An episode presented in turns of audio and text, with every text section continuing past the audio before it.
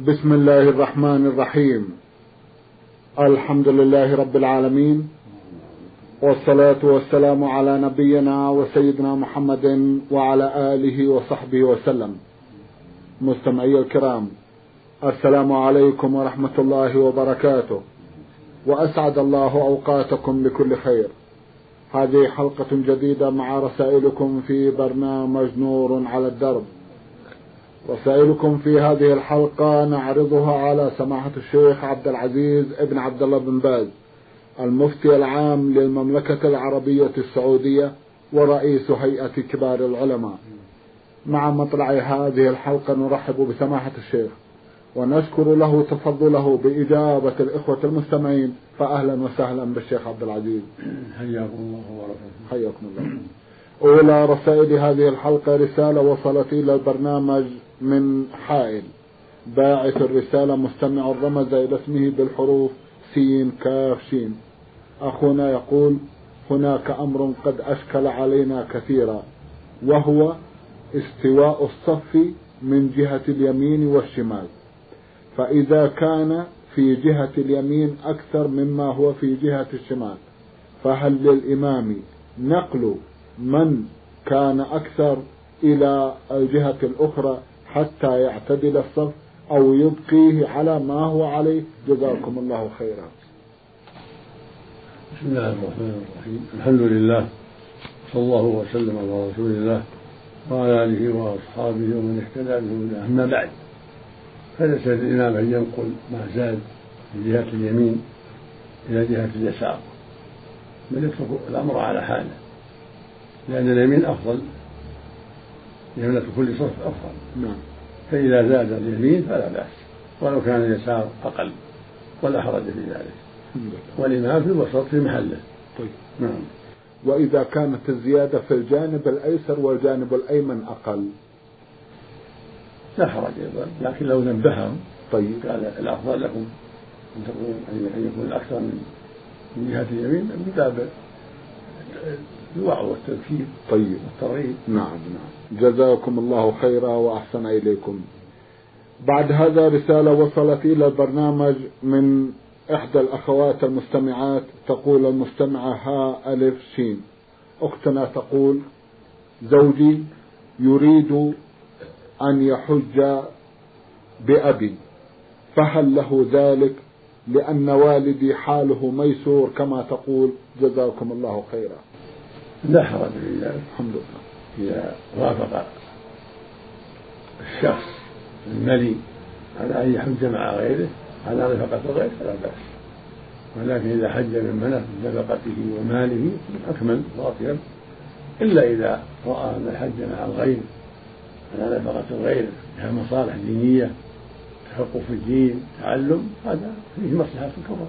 ولو على حساب غيره لا بأس. طيب حتى يستفيد من العلم. طيب. جزاكم الله خيرا. المستمع محمود صالح بعث يسأل ويقول من ترك الصلاة بخدعة الشيطان لمدد قد تصل لأشهر عديدة؟ هل يقضيها؟ وكيف يكون القضاء؟ وهل يصلي كل فرض مع فرضه أم كيف يكون الحال؟ جزاكم الله خيرا. من تعمد ترك الصلاة فقد كفر. في أصح قولي العلماء وإن لم يجحد الوجود إذا تعمد تركها كفر بذلك. قوله صلى الله عليه وسلم في الحديث الصحيح بين الرجل وبين الكفر والشرك ترك الصلاة. وقوله عليه, وقوله عليه الصلاة والسلام العهد الذي بيننا وبينهم الصلاة فمن تركها فقد كفر. وهناك أحاديث أخرى تدل على هذا المعنى. فإذا تاب ورجع فالتوبة تجب ما قبلها والحمد لله. وليس عليه قضاء ما فات. الصحيح أنه لا قضاء عليه. الإسلام يجب ما قبله والنبي صلى الله عليه وسلم لم يأمر الذين أسلموا أن يقضوا ولم يأمر الذين ارتدوا ثم أسلموا أن يقضوا. بل التوبة تكفي والحمد لله. تجب ما قبلها ولا, ولا قضاء عليه. نعم. جزاكم الله خيرا.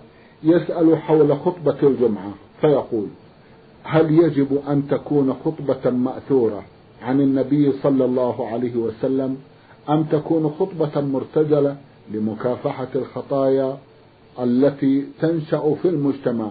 بمعنى هل يجب أن تكون الخطبة معاصرة أم كيف توجهون الناس؟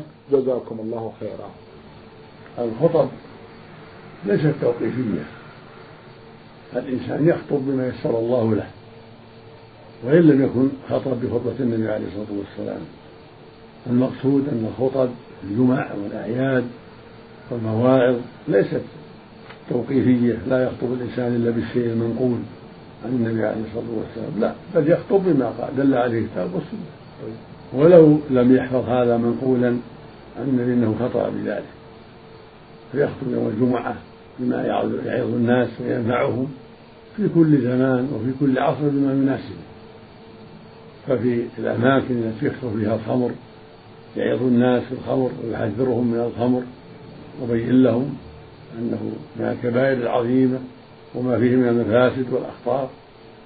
وإذا كان في بلد كثر فيها الربا يحذرهم من الربا يبين لهم شدة تحريم الربا. وإذا كان في بلد كثرت فيه الغيبة والنميمة حذرهم من ذلك. وإذا كان في بلد كثر فيه الزنا واللواط حذرهم من ذلك. وإذا كان في بلد كثر فيه الإعراض والغفلة والجهل حثهم على طلب العلم والتفقه في الدين وأرشدهم إلى حلقات العلم وإلى العلماء حتى يتعلموا. فهو يخاطب كل قوم ما يناسبهم. نعم. وبما هو وبما هو أنسب لحالهم ولمعلوماتهم. المقصود أنه يتحرى ما هو الأنفع. في كل زمان وفي كل مكان. طيب. جزاكم الله خيرا وأحسن إليكم. حدثونا عن الاستغفار وعن صيغته وعن كيفيته وعن عدد المرات التي نقولها في اليوم وذلك لأن الإنسان يشعر أنه مقصر وقد يكون قد أذنب ذنبا عظيما وفاته كثير من العمل الصالح. جزاكم الله خيرا. الاستغفار مأمور به ومشروع. والإنسان في حاجة إليه شديدة.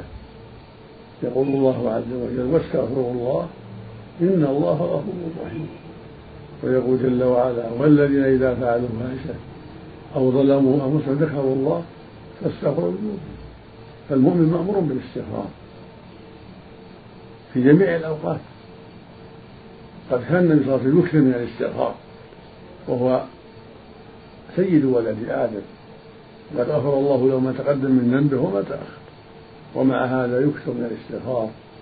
ويقول والله إني لأستغفر الله في اليوم والليل أكثر من سبعين مرة. ويقول يا أيها الناس توبوا إلى ربكم فإني أتوب إليه في اليوم مئة مرة. عليه الصلاة والسلام. فالاستغفار مطلوب. فينبغي للمؤمن والمؤمنة الإكثار من الاستغفار. وصفة ذلك يقول أستغفر الله أستغفر الله. بعد كل صلاة ثلاث مرات إذا سلم بعد الفريضة نعم. كما كان النبي يفعل عليه الصلاة والسلام أستغفر الله أستغفر الله أستغفر الله. وإذا قال في جميع الأوقات اللهم اغفر لي اللهم اغفر لي ذنوبي أستغفر الله العظيم الذي لا إله إلا هو الحي القيوم وأتوب إليه. كله طيب. المقصود يطلب المغفرة بأي صيغة؟ رب اغفر لي. أو اللهم اغفر لي. أو اللهم اغفر لي ذنوبي. أو اللهم إني أستغفرك وأتوب إليك. أو أستغفر الله العظيم الذي لا إله إلا هو الحي القيوم وأتوب إليه. كل هذا طيب. وكان من دعائه صلى الله عليه وسلم في الحديث الصحيح اللهم اغفر لي خطيئتي وجهلي وإسرافي في أمري وما أنت أعلم مني. أنت المقدم وما أنت أعلم مني. اللهم اغفر لي جدي وهزلي وخطئي وعمدي وكل عني اللهم اغفر لي ما قدمت وما أخرت وما أسررت وما أعلنت وما أنت أعلم مني. أنت المقدم وأنت المؤخر وأنت على كل شيء قدير. ومن استغفاره اللهم اغفر لي ما قدمت وما أخرت وما أسررت وما أعلنت وما أسرفت وما أنت أعلم مني. أنت المقدم وأنت المؤخر. لا إله إلا أنت. وسيد الاستغفار حتى عليه النبي صلى الله عليه وسلم وهو اللهم أنت ربي. لا إله إلا أنت. خلقتني وأنا عبدك وأنا على عهدك ووعدك ما استطعت. أعوذ بك من شر ما صنعت. أبوء لك بنعمتك علي وأبوء بذنبي فاغفر لي فإنه لا يغفر الذنوب إلا أنت إذا قالها صباحا مؤمنا موقنا بذلك دخل الجنة وإذا قالها مساء ومات عليها دخل الجنة. فضل عظيم. وقال سيد الاستغفار يعني رئيس الاستغفار وأفضل. نعم. اللهم أنت ربي لا إله إلا أنت خلقتني وأنا عبدك وأنا على عهدك ووعدك ما استطعت. أعوذ بك من شر ما صنعت. أبوء لك بنعمتك علي. وأبوء بذنبي. فاغفر لي. فإنه لا يغفر الذنوب إلا أنت. نعم. جزاكم الله خيرا وأحسن إليكم. بعد هذا رسالة وصلت إلى البرنامج من إحدى الأخوات المستمعات رمزت إلى اسمها بالحروف نون راي فا راي ألف. أختنا لها قضية مطولة عن الرضاع. فتقول أنا سيدة متزوجة منذ ما يقارب خمس وعشرين سنة من ابن عمي. وبعد مدة طويلة من الزواج عرفت أن زوجي أخي من الرضاعة أي أني قد رضعت من أمه مع أخيه الأصغر لمدة خمسة عشر يوما وكان عمره سنة وأنا عمري أسبوع. فهل يحرم علي ويجب أن يفرق بيننا أم لا؟ علما بأن عمتي يوم زواجي قد حاولت منع الزواج بسبب رضاعي ولكن أبي وعمي قد أصرا على إقامة الزواج. فهل الإثم علينا أم عليهم؟ وماذا نفعل الآن؟ علما بأني لم أنجم منه حتى الآن. جزاكم الله خيرا. هذا الموضوع يرفع إلى المحكمة. وتحضر المرضعة حتى يسألها القاضي عن حقيقة الرضاع نعم. وعن عدد الرضعات وحتى يسأل الناس عن ثقتها وعدالتها. وبعد ذلك يحكم القاضي في الموضوع. هذا الذي أرى في هذه المسألة لأنها مسألة خطيرة وضع عليها دهر طويل. فالذي أرى أن تقدم المرضعة إلى القاضي حتى يسألها عن صفة الرضاع وعدد الرضاعات وعن تيقظها لذلك. ويسأل العارفين بها عن عدالتها. وبعد ذلك في يحكم بما يرى. وفيه كفاية إن شاء الله. إن شاء الله. جزاكم الله خيرا وأحسن إليكم. أحد الإخوة المستمعين يقول المرسل محسن عفيف من اليمن. يسأل ويقول هل يجوز لمن يوصي أن يوضع قبره في أحد المساجد؟ هل يجوز أن تنفذ وصيته لأننا نلاحظ أن كثيرا من المساجد تحتوي على بعض القبور فما هو توجيهكم؟ هل نخرج عظام الموتى من القبور حتى تخلو من المقابر؟ وجهونا حول هذين الأمرين جزاكم الله خيرا. من أوصى بأن يدفن في المساجد وصيته باطلة لا تنفذ لا يجوز تنفيذها. بل يجب أن يدفن مع المسلمين في المقابر. ولا يجوز أبدا أن يدفن في المساجد هذا منكر ومن عمل اليهود والنصارى ومن أسباب الشرك. وهكذا إذا وجد قبر في المسجد والمسجد سابق والقبر الجديد الحادث يجب أن ينبش وتنقل عظامه ورفاته إلى المقابر في حورة خاصة يوضع فيها ويسوى ظاهره كسائر القبور. ولا يجوز بقاء القبور في المساجد أبدا. أما إن كان المسجد هو الحادث المقبرة السابقة وأحدث المسجد على القبور وبني على القبور فإن هذا المسجد يهدم ويزال لأنه هو الحادث. قد قال عليه الصلاة والسلام في الحديث الصحيح لعن الله اليهود والنصارى اتخذوا قبور أنبيائهم مساجد وقال عليه الصلاة والسلام ألا وإن من كان قبلكم كانوا يتخذون قبور أنبيائهم وصالحيهم مساجد. ألا فلا تتخذوا مساجد فإني أنهاكم عن ذلك. فاتخاذ القبور في المساجد من عمل اليهود والنصارى ومن أسباب الشرك فيجب الحذر من ذلك. جزاكم الله خيرا وأحسن إليكم. إذا تنبش القبور سماحة الشيخ الموجودة داخل المساجد. وحينئذ تخلو المساجد من القبور؟ نعم إذا كانت القبور في الحادثة. وجب أن تنبش وتبعد وتنقل عظامها إلى المقابر. كل كل رفاة قبر كل رفاة ميت توضع في حفرة وحدها ويسوى ظاهرها كسائر القبور. نعم. أما إذا كان المسجد هو هو الجديد والمقبرة السابق هو اللي بني على القبر تعظيما للقبر هذا المسجد يهدم ولا يبقى في المقبرة يزال لأنه هو الحادث. إذا من كان جديدا فهو الذي يزال سواء كان القبر أو المسجد نعم. بارك الله فيكم. يسأل عن المرأة والأذان والإقامة. هل لها أن تؤذن وتقيم في بيتها كالرجل أم تصلي كحال النساء؟ جزاكم الله خيرا. الأذان والإقامة للرجال. أما المرأة فإن تصلي بدون أذان ولا إقامة. وإن صلت مع الناس فلا بأس. إذا خرجت متحجبة متسترة صلت مع الناس لا بأس. لكن بيتها خير لها وأفضل. ولا يشرع لها أذان ولا إقامة. نعم.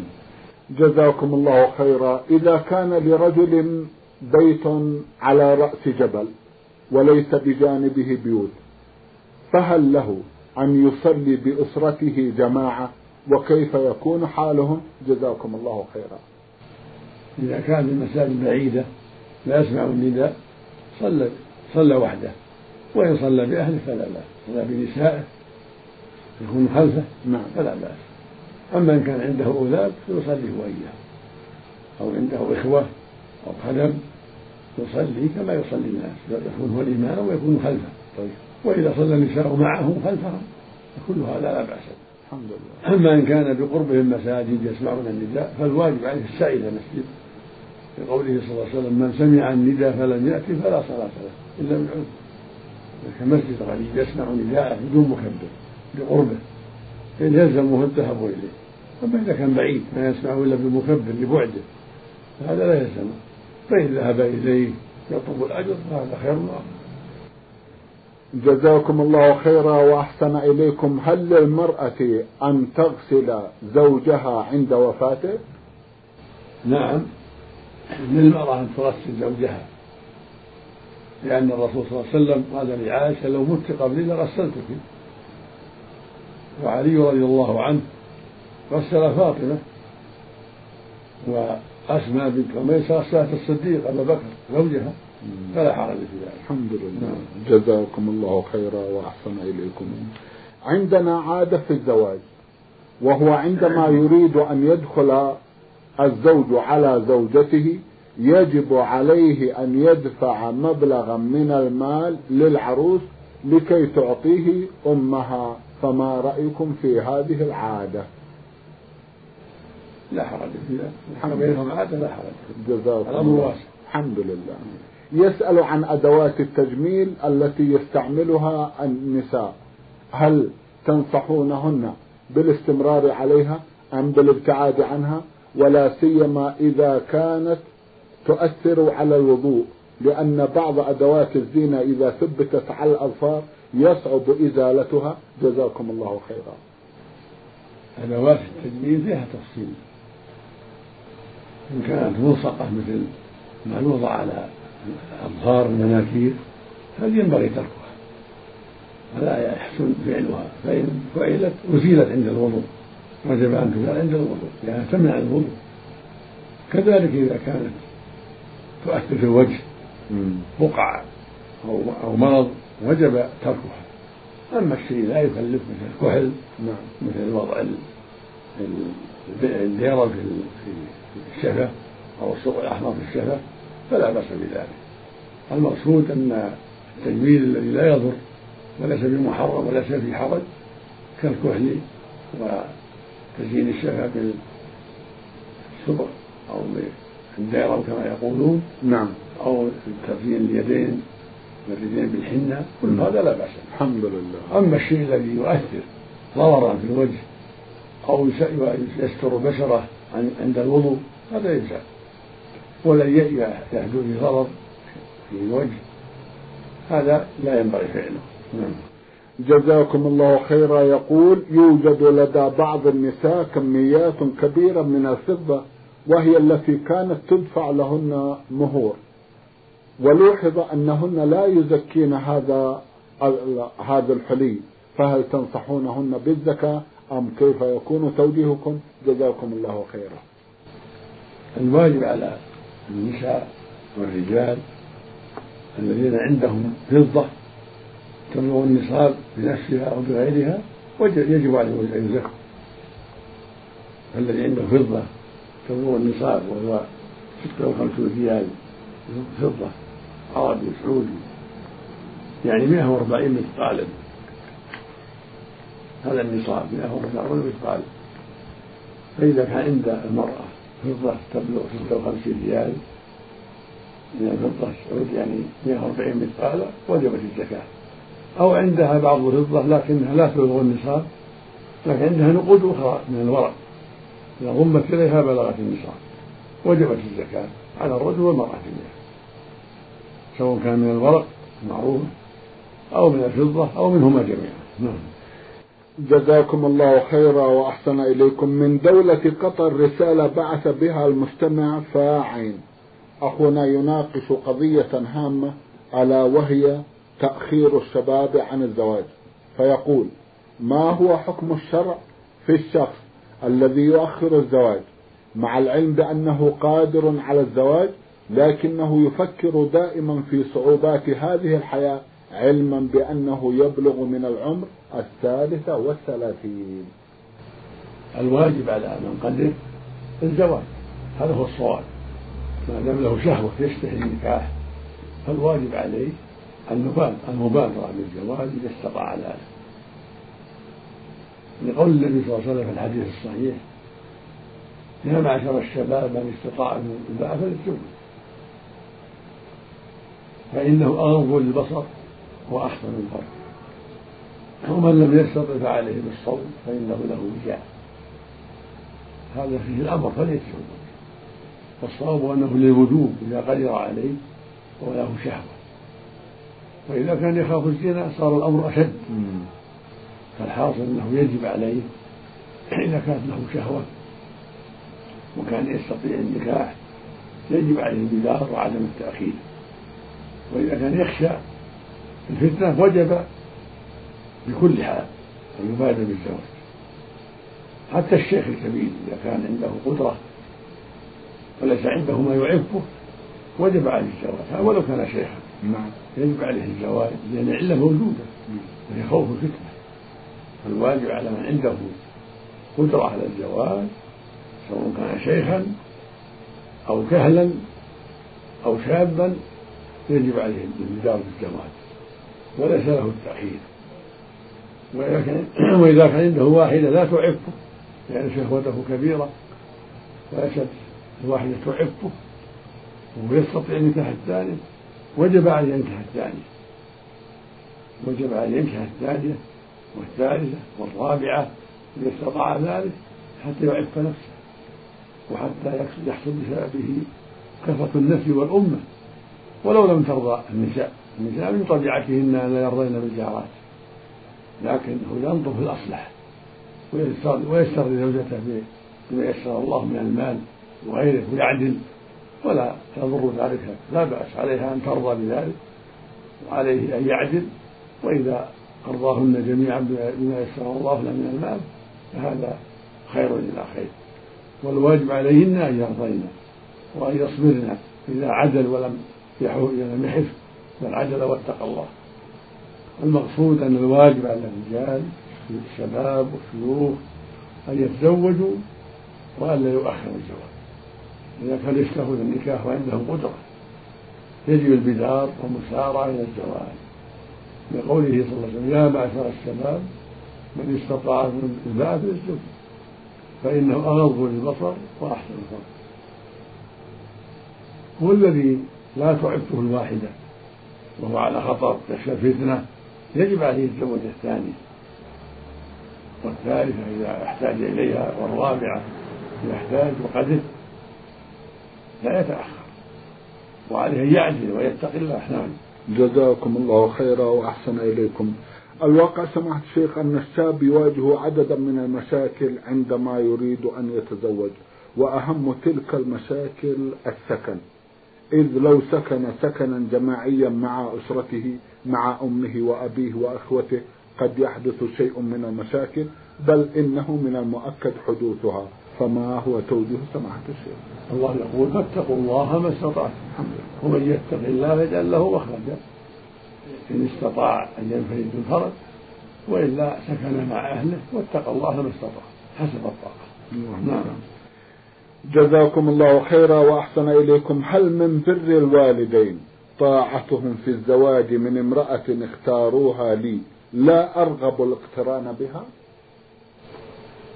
الزواج لا بد فيه من الرغبة الله يقول جل وعلا ومن آياته أن خلق لكم من أزواجا لتسكنوا إليها وجعل بينكم مودة ورحمة. فإذا كانت المرأة المخطوبة لا تناسبك ولا ترضاها ولا ترغب فيها. لم يلزمك طاعة والديك في ذلك لأنها هي خصك وأنت أعلم بنفسك. ولا يجوز لهما إلزامك بامرأة تكرهها لا يجوز لهما. والله جل وعلا أوجب عليهما الإنصاف والعدل. فليس لهما إجبارك على ما يضرك. وأنت أيضا لا يلزمك طاعة الوالدين في غير المعروف. إنما الطاعة في المعروف وليس من المعروف أن تطيعهما في امرأة لا ترضاها ولا تناسبك أما إذا كنت ترضاها وتناسبك وأحب أن تزوجها هذا خير إلى خير تطيعهما لأنها مصلحة الله. أما امرأة لا ترضاها إما لضعف دينها وإما لعدم جمالها وإما لأسباب أخرى تعلم من نفسك أنك لا ترغب فيها وتخشى من أن تخسر بدون فائدة فإنه لا يلزمك ولا يجوز لهما إلزامك ولكن تسترضيهما بالكلام الطيب والأسلوب الحسن حتى يخضع لقولك وحتى يرضيا بالمرأة المناسبة.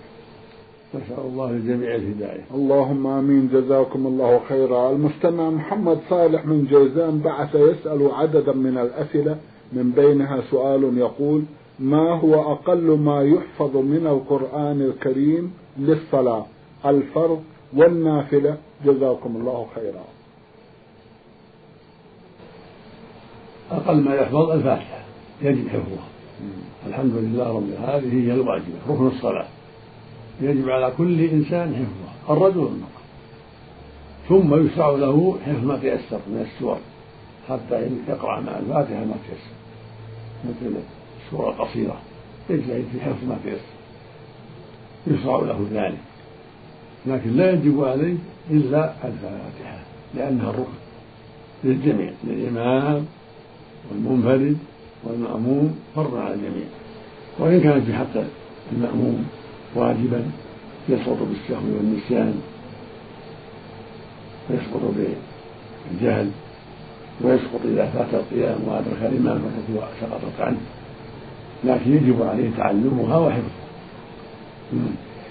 جزاكم الله خيرا وأحسن إليكم. يسأل سماحتكم ويقول أفتوني عن الأيام التي يشرع صيامها صيام التطوع وأخبروني بالأهمية حيث أعرف الأهم فالأهم. جزاكم الله خيرا.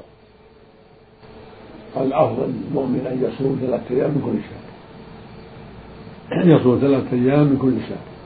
لأن الرسول أمر بذلك. عند الله بن عمرو وغيره. وأوصى أبا هريرة وأبا الدرداء بذلك. صيام ثلاثة أيام من كل شهر. وإذا صامها أيام البيض كان أفضل. وهي اليوم الثالث عشر. والرابع عشر والخامس عشر.